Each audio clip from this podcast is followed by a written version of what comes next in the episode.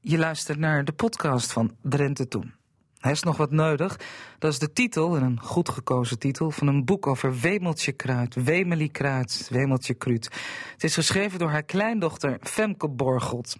Ja, in Gasselte en omstreken was oma Wemeltje een bekende verschijning op de fiets met al haar handelswaar.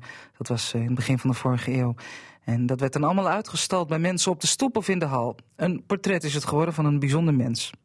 En we stappen zometeen in de bedrijfsbus van Bertus ten Kaat voor een ritje met nostalgische inslag.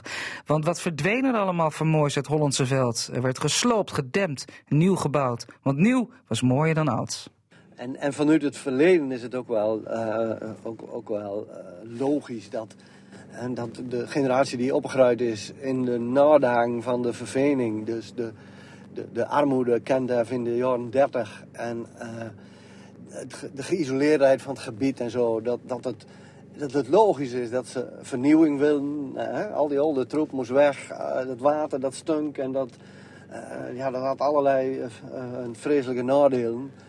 En wij zien natuurlijk nu op foto's alleen nog maar het nostalgische plaat. Ja, lang leven de vooruitgang. En over dieren hebben we het vanmiddag uh, samen met Henk Luning. Hij is onze dieren- en drentenkenner. En hij zal spreken over vissen en waar ze zoal voorkwamen... en uh, de bron die hij daarover raadpleegt.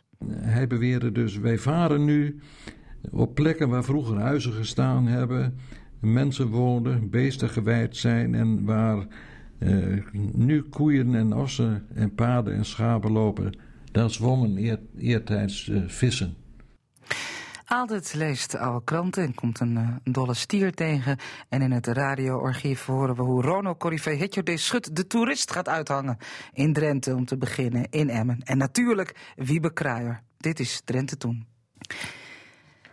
Ja, aan de telefoon heb ik Femke Borgelt. Uh, op uh, 29 maart dan verschijnt haar boek over haar grootmoeder, Wemeltje Kruid of Wemelie. Hes nog wat nodig en ik zei het al, het is een goed gekozen titel. Hallo Femke. Hallo, ja, goedemiddag. Want, goedemiddag, uh, want Hes nog wat nodig, dat is wat je oma altijd zei, hè? of vroeg. Ja, inderdaad. Of uh, heeft de vrouw er nog wat bij? Dat zei ze dan wel op zijn Drents. En mijn Drents is niet zo geweldig. Dus, uh, maar ja, ze had wel een paar andere zinnen. Maar dat is wat ze standaard zei. Ja, um, ja we gaan over haar praten. Een koopvrouw uit Gasselte die, die bijna elke dag in Gasselte... een wijde omgeving haar waren aan, aan de man... en misschien wel meer de vrouw proberen te brengen. Ja, dat um, klopt hoor. Vooral vrouwen. vrouwen Meestal hè? vrouwen. Ja. bijna alleen. en ik zit me te realiseren. Het is natuurlijk een tijd waarin mensen niet de stad ingaan om te winkelen. Misschien was, uh, was Wemeltje, zo noem ik haar maar even, dan uh, ja. wel de enige mogelijkheid om, uh, om het een en ander aan te schaffen. Of, of was dat nou, niet zo? Wel, er, er, waren wel wat andere mogelijkheden. Er was ook wel een winkeltje in het dorp waar je af en toe wat kon bestellen. En, maar het, natuurlijk, voor de mensen die achteraf woonden, was het een uitkomst als, als mijn grootmoeder langskwam met de fiets. Ja. Wat, wat was ongeveer haar werkgebied? Uh, nou, haar werkgebied is, uh, ik heb een, uh, achter het boek staat een kaartje, ik moet even spieken, want ik weet het ook niet uit mijn hoofd. Maar ja, eigenlijk de wijde omgeving van Gasselte, dus dat begint dan bij Kostvlies, Gasselte Nijveen, Drouwenerveen, Gasselte Boerveen. achter het hout, Gieten, Bonnen, Assen, nou, aan de andere kant op dan Drouwen en Bronniger en ja, Borger, Ja. Ees, Exlo, Odoren, Valte... En Emmen staat er ook bij, want daar deed ze haar, uh, haar inkopen Ja. uh, bij uh, Van Peer. En ze deed ook inkopen in, uh, in Assen. Ja, we hebben het nu over uh, nou ja, de eerste helft van de, van de 20e eeuw, zeg maar. Ja. Ze legde heel wat kilometers af. En um, het, het, was een graag geziene en ook gerespecteerde verschijning, hè? heb ik begrepen, uit het boek ook met name. Ja, daar was ik eigenlijk ook wel heel blij om, uh, om te horen. Hè? Want als je haar zo ziet op klompen op de fiets, ik, kan me, ik moet er niet aan denken. Ik denk dat ik onmiddellijk zal vallen zelf. Maar uh, ja, ze was heel eerlijk. En uh, ja, nogmaals, men was blij als ze kwam met uh, spullen van huishoudelijke aard. spullen om te naaien. De mensen maakten zelf de kleren nog heel vaak. Repareerden ook heel veel nog. Ja. En ja, theedoeken, dat werden, die werden schoteldoeken genoemd, hè. Daar ben ik laatst achter gekomen. Dus dat vond ik wel grappig. Ja. ja, dat was het een beetje. Ja. Band, garen, elastiek, wat men heel veel gebruikte ook in die tijd. Hele eenvoudige dingen. Ja. Ze deed het niet uit luxe. Ze deed het omdat, uh, omdat ze kostwinner was. Kun je, kun je iets vertellen over haar persoonlijk uh, leven? Ja. Ja, nou, ze groeide op in, uh, in Gasselte met haar ouders en haar twee zusjes. haar vader werkte in het veen en dat was een heel zwaar werk. ik heb begrepen dat de mensen die in het veen werkten... zes dagen per week van huis waren van vroeg tot laat. Ik heb van haar vader ook geen foto kunnen vinden voor het boekje... want die wilde zich niet laten fotograferen, wat ik erg jammer vind. Maar het was een heel eenvoudig gezin waarin ze opgroeide... en waarin heel hard gewerkt moest worden. Ja. En uh, zij is kennelijk al redelijk jong begonnen met venten. Ik ben er niet precies achter gekomen op welke leeftijd ze daarmee is begonnen. Maar ja, het was heel praktisch geregeld. Men hielp elkaar in die tijd sowieso veel meer dan nu. Maar in het gezin was het ook heel handig uh, geregeld. Want oma paste... Of eigenlijk meer haar zus paste op uh, Douwe toen mijn Ja. vader geboren was. Ja, dat- hè? Want ik, ik sla nu een periode Ja. over, merk ik. Maar dat geeft niks, we gaan met zeven mijls laarzen door de tijd heen. ja, ja. Ehm Douwe was haar enigste kind. En Ja. eh, de, de thuissituatie was ook niet zo dat, eh, nou ja, het was geen, geen, samen, het was geen compleet gezin, hè? Ik zeg het wat ingewikkeld, maar haar man die moest op een gegeven moment af en toe het huis uit. Ja, ik heb zelfs de indruk dat eh, toen mijn vader geboren was... eh, ja, eh, mijn oma wilde per se de kost verdienen. Hè. Dat was nogal een, een dappere en ook een beetje trots. Hè. Ze wilde geen, niet afhankelijk zijn. En ja, mijn opa had tijdelijk werk, als, als gemeenteschilder bijvoorbeeld. Maar dat was lang niet voldoende om, ja, om rond te komen. Hè, om maar een eenvoudig woord te gebruiken. Mhm. En zij wilde per se, ja, toch ervoor zorgen dat men brood kon eten, dat er Ja. brood op de plank was. Ja, Nou, mijn grootvader was volgens mij heel vaak eh, opgenomen. Ik heb niet de indruk en ook niet van een mensen gehoord dat hij vaak thuis was. Hè. Ze, woonde, ze is in een woonwagen gaan wonen eh, met haar man en mijn vader. En ook tante Jantine, haar zus, is een tijd daarbij geweest om voor eh, mijn vader te zorgen. ja. Maar ik En- denk niet dat mijn grootvader er vaak was. Nee, hè- vaak ook in, in een inrichting, een instelling, ja. Dat had met zijn geestelijke gezondheid te maken. Ja, ja wij- dat, wat we later hebben geconstateerd, dat moet toch wel eh, schizofrenie geweest zijn. Ja. Toen in, in die tijd was daar nog eigenlijk heel weinig voor en ook geen medicijnen. Nee. Jij hebt eh, mensen geïnterviewd die haar kenden of die Ja. verhalen over haar kenden. En ehm, dan rijst er nog een completer beeld, denk ik, op voor jou.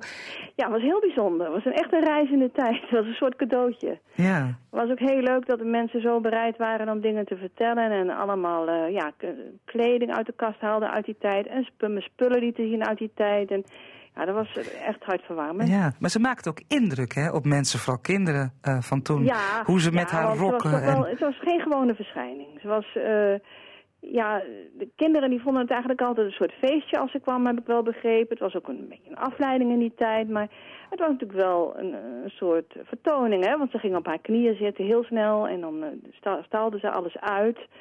En dat was gewoon spannend. ja, ja. Ja, ja, tuurlijk. En leuk. En, en, en ook, nou, er waren natuurlijk wat meer mensen aan de deur. Heel veel meer, eh, middenstanders. Maar toch lijkt me dit wel een, eh, een uitzonderlijk eh, iemand. Zeg, jij hebt ook een hoofdstuk in het boek over het standbeeld, zoals we dat Ja. kennen. Hè? Dat staat in Gasselte, heeft de carnavalsvereniging destijds mogelijk gemaakt. En er staat ook een toespraak van je vader, haar enigst kind, in. Ja. En, en wat me daarin trof was dat hij zich als kind, ondanks alle trots die hij voelt voor zijn moeder, maar dat hij zich als kind wel eens geschaamd heeft. Ja, ik heb het daar met verschillende mensen ook wel over gehad. Ook dat, die zin heeft mij ook getroffen. Ik heb die speech later teruggevonden en nog een keer gelezen. En, eh, ja, en eh, nou, ik, heb met veel mensen erover gehad. En mijn eigen mening is, eh, ook naar aanleiding van die gesprekken... ik denk dat kinderen willen gewone ouders. Kinderen willen geen ouders die bij de weg lopen eh, met spullen. Kinderen willen geen vader die in een, in een inrichting zit... Eh, Ja. ja, en en Ja. Dat, dat standpunt kan ik eigenlijk heel goed begrijpen. En eh, in zijn speech zegt hij ook dat hij later daar wel meer begrip voor kreeg... en ook wel een beetje trots werd op zijn moeder. Maar ik denk niet dat hij de, de, de, ja, doorhad hoe moeilijk het voor haar was. Hè? Dat leven dat ze moest Ja. leiden. Hè? Kost verdienen, bij weer en wind. Ja, ja. dat is hij pas later gaan waarderen, denk ik.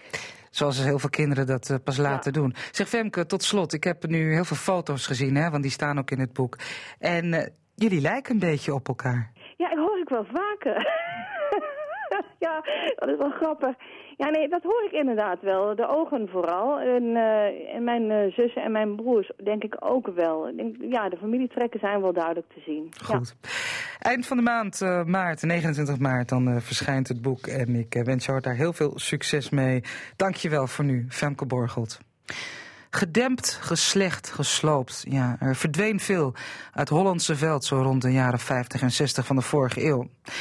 Bertus ten Kaat zag het allemaal met ledenogen aan, want hij hecht aan het verleden. Luistert u naar aflevering 3 van onze serie Bertus Weemoed... met muzikant, columnist, ambachtelijk stoffeerder... en hartstochtelijk Hollandse velder Bertus ten Kaat.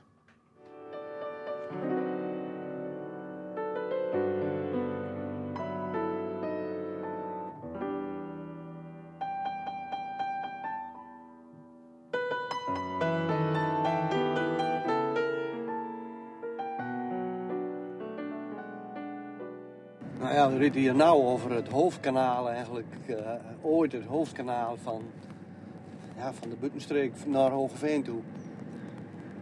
Dus dit, dit is uh, ja, waterweg. Huh? Waterweg. Van waterweg naar waterweg. In 64, 63 was het nog open. Toen de boerenopstand hier was, lag er uh, ijs, water. toen reden de auto's hier over het ijs. En in 64 is het uh, dempt. Nou, en nou zie je zometeen, nou komen we bij de cruising die ik hier op deze foto heb. En dan zie je, dan zie je dat het, het café hier op de hoek, dat is eigenlijk het enige wat nog een klein beetje in de originele staat is.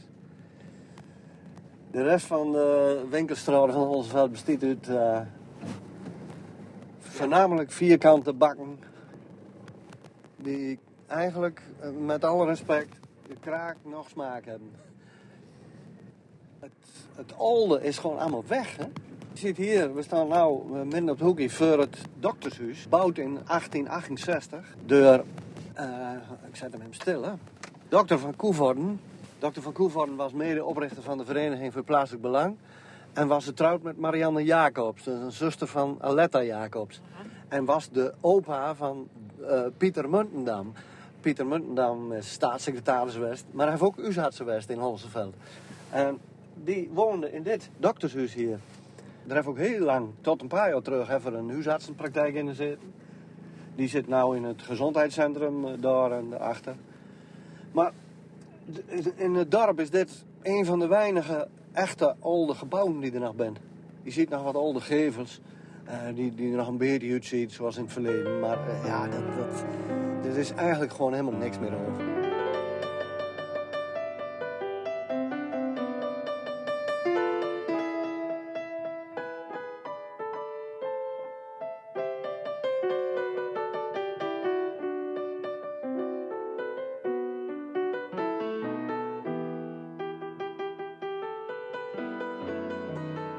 En, en vanuit het verleden is het ook wel, uh, ook, ook wel logisch dat en dat de generatie die opgegroeid is in de nadang van de vervening, dus de, de, de armoede kende in de jaren 30 en uh, de geïsoleerdheid van het gebied en zo, dat, dat, het, dat het logisch is dat ze vernieuwing willen. Hè? Al die oude troep moest weg, uh, het water dat stunk en dat, uh, ja, dat had allerlei vreselijke nadelen.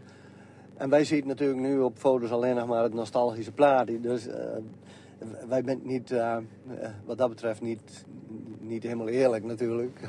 wij hebben alleen maar te maken met de nostalgie van de foto. En de mensen toen die leven in de, in de ja, soms ook niet al te florissante omstandigheden. Maar de, de vernieuwingsdrift die er was, ja, die vind ik leidt tot een, tot een eenheidsworstachtig uh, dorpsbeeld.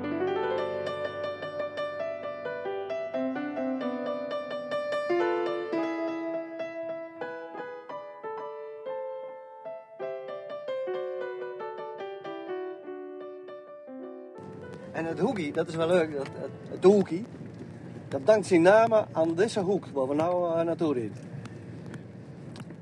Dit is de, uh, hier links uh, is de kerk. Rechtsaf heet het Zuideropgaande. En rechtdeur heet het rechtuit. Oftewel, eerst was er een hoek. Omdat hier achter een hele grote zandgebieden lagen, hebben ze in eerste instantie niet deuren graven deze kant op naar het veen. Daar hield het gewoon op?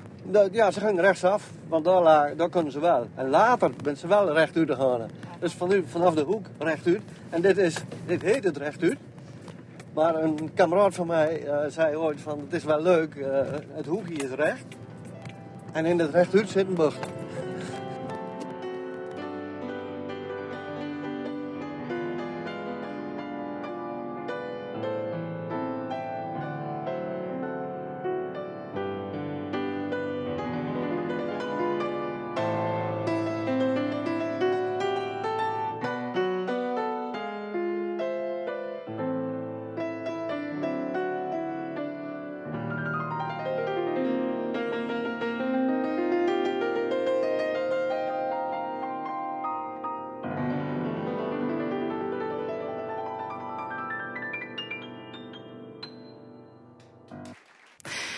Altijd Oosterhuis die uh, zit rustig in een hoekje met een stapel hele oude kranten.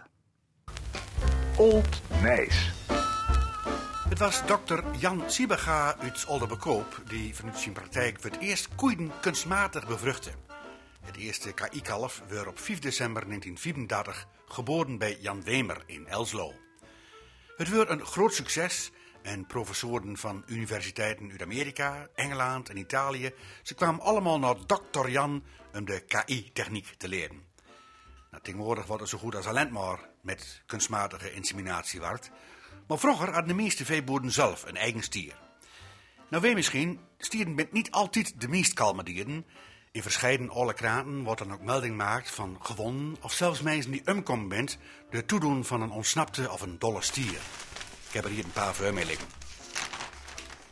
De Drijnse en Azzelkraant van 27 juni 1928. Ex-Lowerkeil. Terwijl de heer van de V, arbeider bij de landbouwer D al hier, enige werkzaamheden moest verrichten in een stuk weiland, werd hij aangevallen door een aldaar lopende stier. Van de V liep nogal ernstige verwondingen op. Door toegesnelde buren werd hij bewusteloos weggedragen. De ontboden geneesheer constateerde inwendige kneuzingen. Ja. Of deze uit de Drijns en Azenkraant van 28 maart 1940. Gistermorgen is de caféhouder J. Giezen te Roder door een stier in de stal aangevallen. Hij werd in de buik getroffen en is in ernstige toestand naar het Diakonessenhuis te Groningen vervoerd.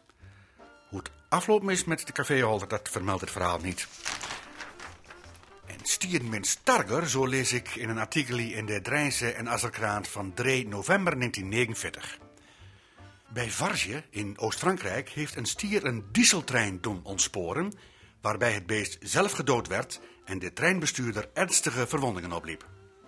Het roodgeverfde dieseltreinstel werd door de stier aangevallen toen het vaart minderde voor een overweg. Het eerste rijtuig werd door de stoot van de stier uit de rails gelicht. Ja. Het mooiste verhaal over een stier komt uit Zweden en stiert in de Drijnse en Azzelkraan van 10 juni 1933. De stier die schoon schip maakte. Het gaat over boer Bengt Banke, die op een van de meest idyllische plekjes in Zweden woont. Ter plekke bekend om zijn bekwaamheid als het gaat om het dresseren van huisdieren. Eén probleem, de heer Banke was nogal achter met zijn belastingen en er zal een executieveiling houden worden. Er kwamen veel mensen voor, zo stiet in de krant, want het gerucht ging dat hij die niet zonder verzet zou laten doorgaan. De deurwaarder en enige magistrale heren verschenen en de boer werd bevolen zijn dieren voor te leiden, waaronder een stier. Bengt Banke kwam dus met zijn stier in een hof, bracht hem naar het midden, liet hem los, gaf hem een klapje en zei: Nu jongen, maak eens schoon schip hier, maar een beetje snel. De stier snoof eens duchtig, boog zijn zware kop en ging dreigend juist op de officiële personen los. Het volgend ogenblik was alles op wilde vlucht. De meesten verborgen zich in stallen en schuren die ze grendelden. De dichtstbijstaanden bleef hier echter geen tijd voor. Enigen klommen op het dak der grote schuur en anderen in de bomen. Ook de deurwaarder. Van daaraf werd een stortvloed van scheldwoorden op den boer uitgestort, die nu, alleen met zijn stier in de hof, kalm zijn pijpje opstak. Nu ga ik even in huis om mijn jas te halen, zei hij gemoedelijk tot den stier. Pas jij hier intussen op die lui. En dat deed de stier zo resoluut dat niemand zich durfde verroeren. Intussen was de politie der naaste stad gewaarschuwd en rukte moedig op in de gedaante van twee gendarmes, die echter den hof niet waagden te betreden. Van de poort riepen zij Banker toe zijn stier op te vangen, maar hij antwoordde: Er is geen enkele wet die de boer voorschrijft dat hij zijn stier niet uit de stal mag laten. Nu begon het onderhandelen. De gendarmes achter de poort, de officiële personen op het dak van de grote schuur, de deurwaarder in zijn boom en uit de stallen schreeuwden de opgeslotenen om een eind aan de zaak te maken, want er waren onderhand bijna drie uur verlopen. Benks Banke gaf toe, maar alleen op voorwaarde dat de executie werd uitgesteld. Een fluitje en de stier verdween zo volgzaam als een lammetje in zijn stal. De opgeslotenen stormden de schuur uit, de magistraten kropen van het dak en de deurwaarder viel uit de boom als een rijpe vrucht. Je kunt je dieren aan circusdirecteuren verkopen, maar niet aan boeren, schreeuwde hij Banke toe. Die zielsvergenoegd antwoordde: Graag, als ze beter betalen.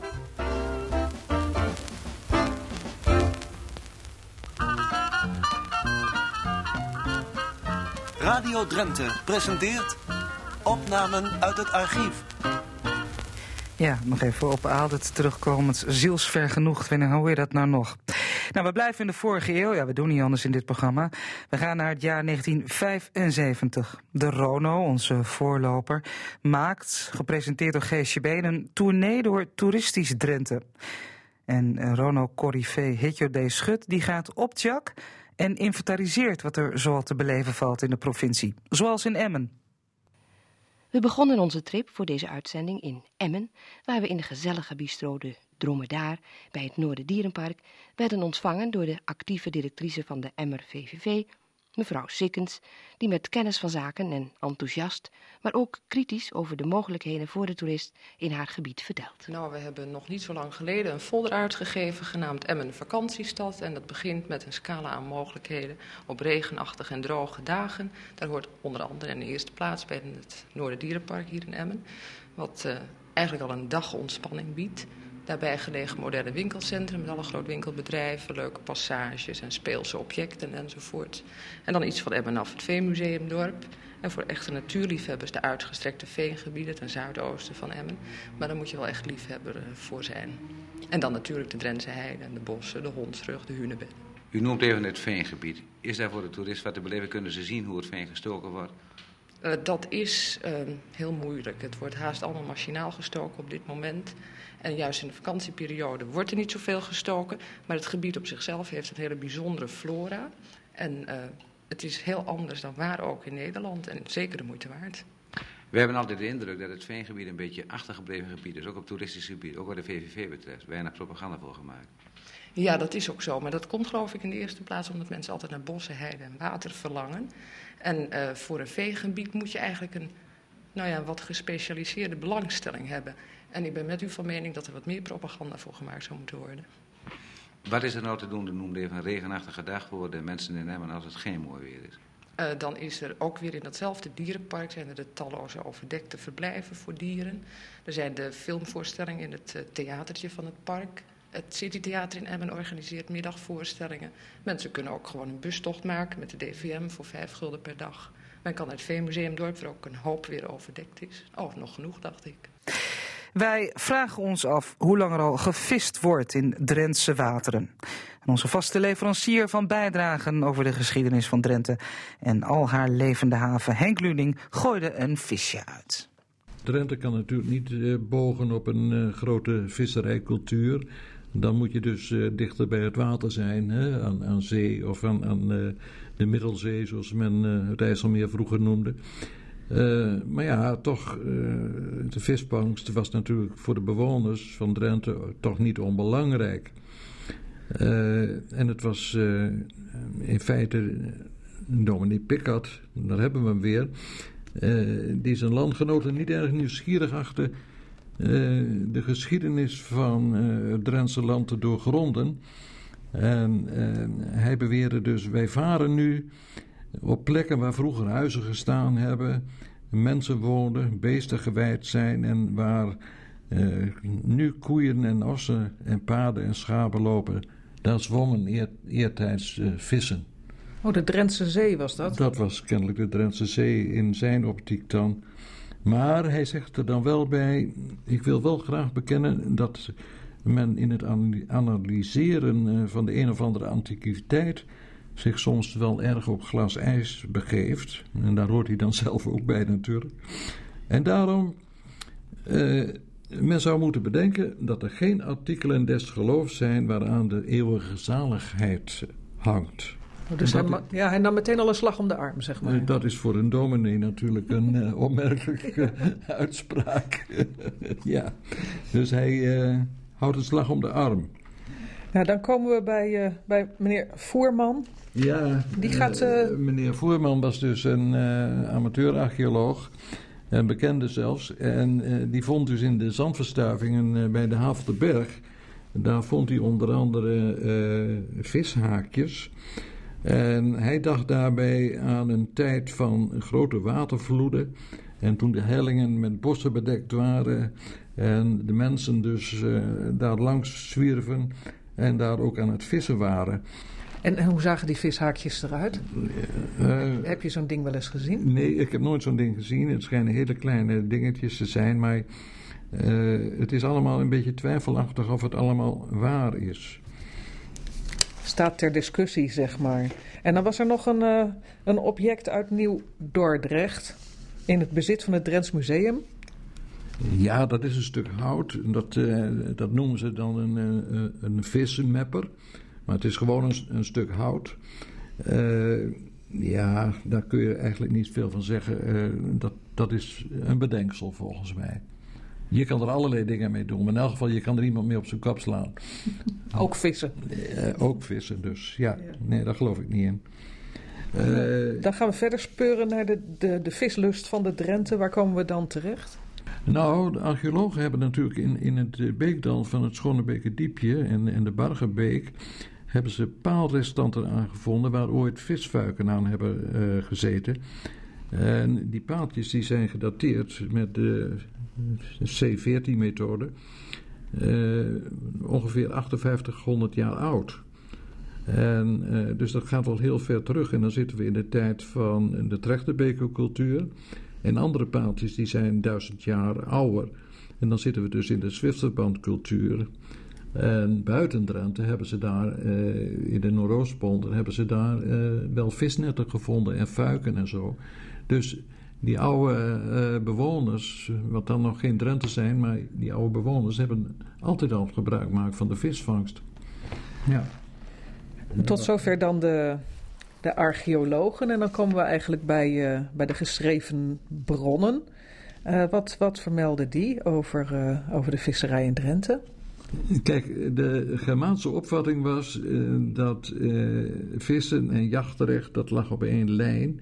En ieder was toen nog vrij om dus te vissen en te jagen binnen het gebied waar die stam woonde. En uh, dit blijkt dus al uit de 13e eeuwse Saxenspiegel. En daar wordt gezegd: Door God den menselijke schuf, door gab Heer immer Gewalt über Fische und Vogelen und alle wilde Tieren.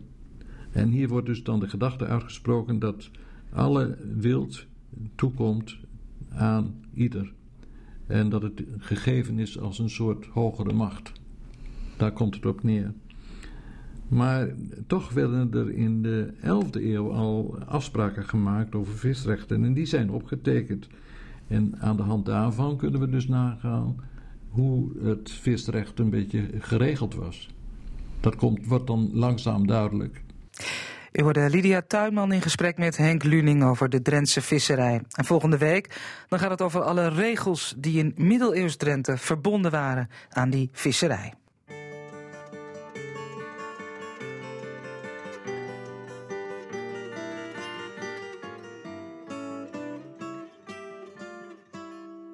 Ik heb het er nog niet eerder over gehad, maar mijn vader was ook imker.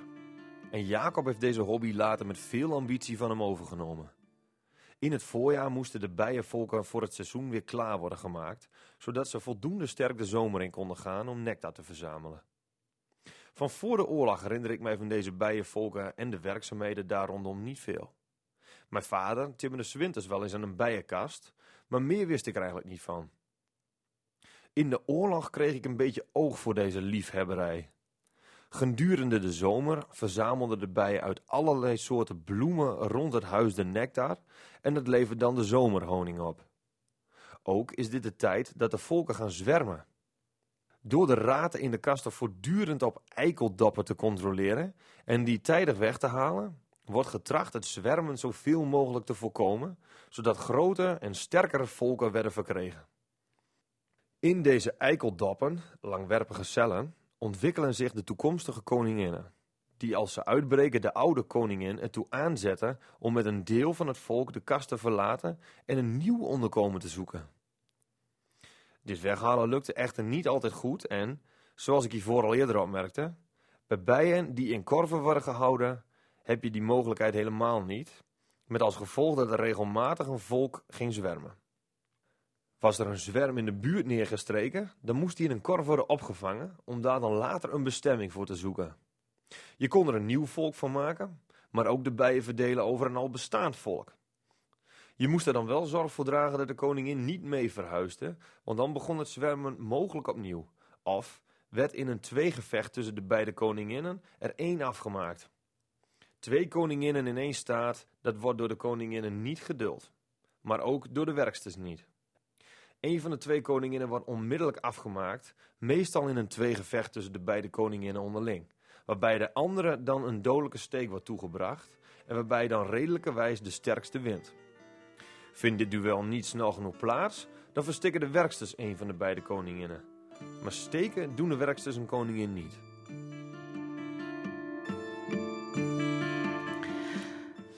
Je luisterde naar de podcast van Drenthe Toen. Luister ook eens naar onze andere podcasts. Radio Westerbork bijvoorbeeld. Of de serie die Marjolein Knol maakte, Binnen de Muren. Over leven in de gevangenis in Veenhuizen. En als je tijd hebt, laat dan een beoordeling achter. Vinden we leuk.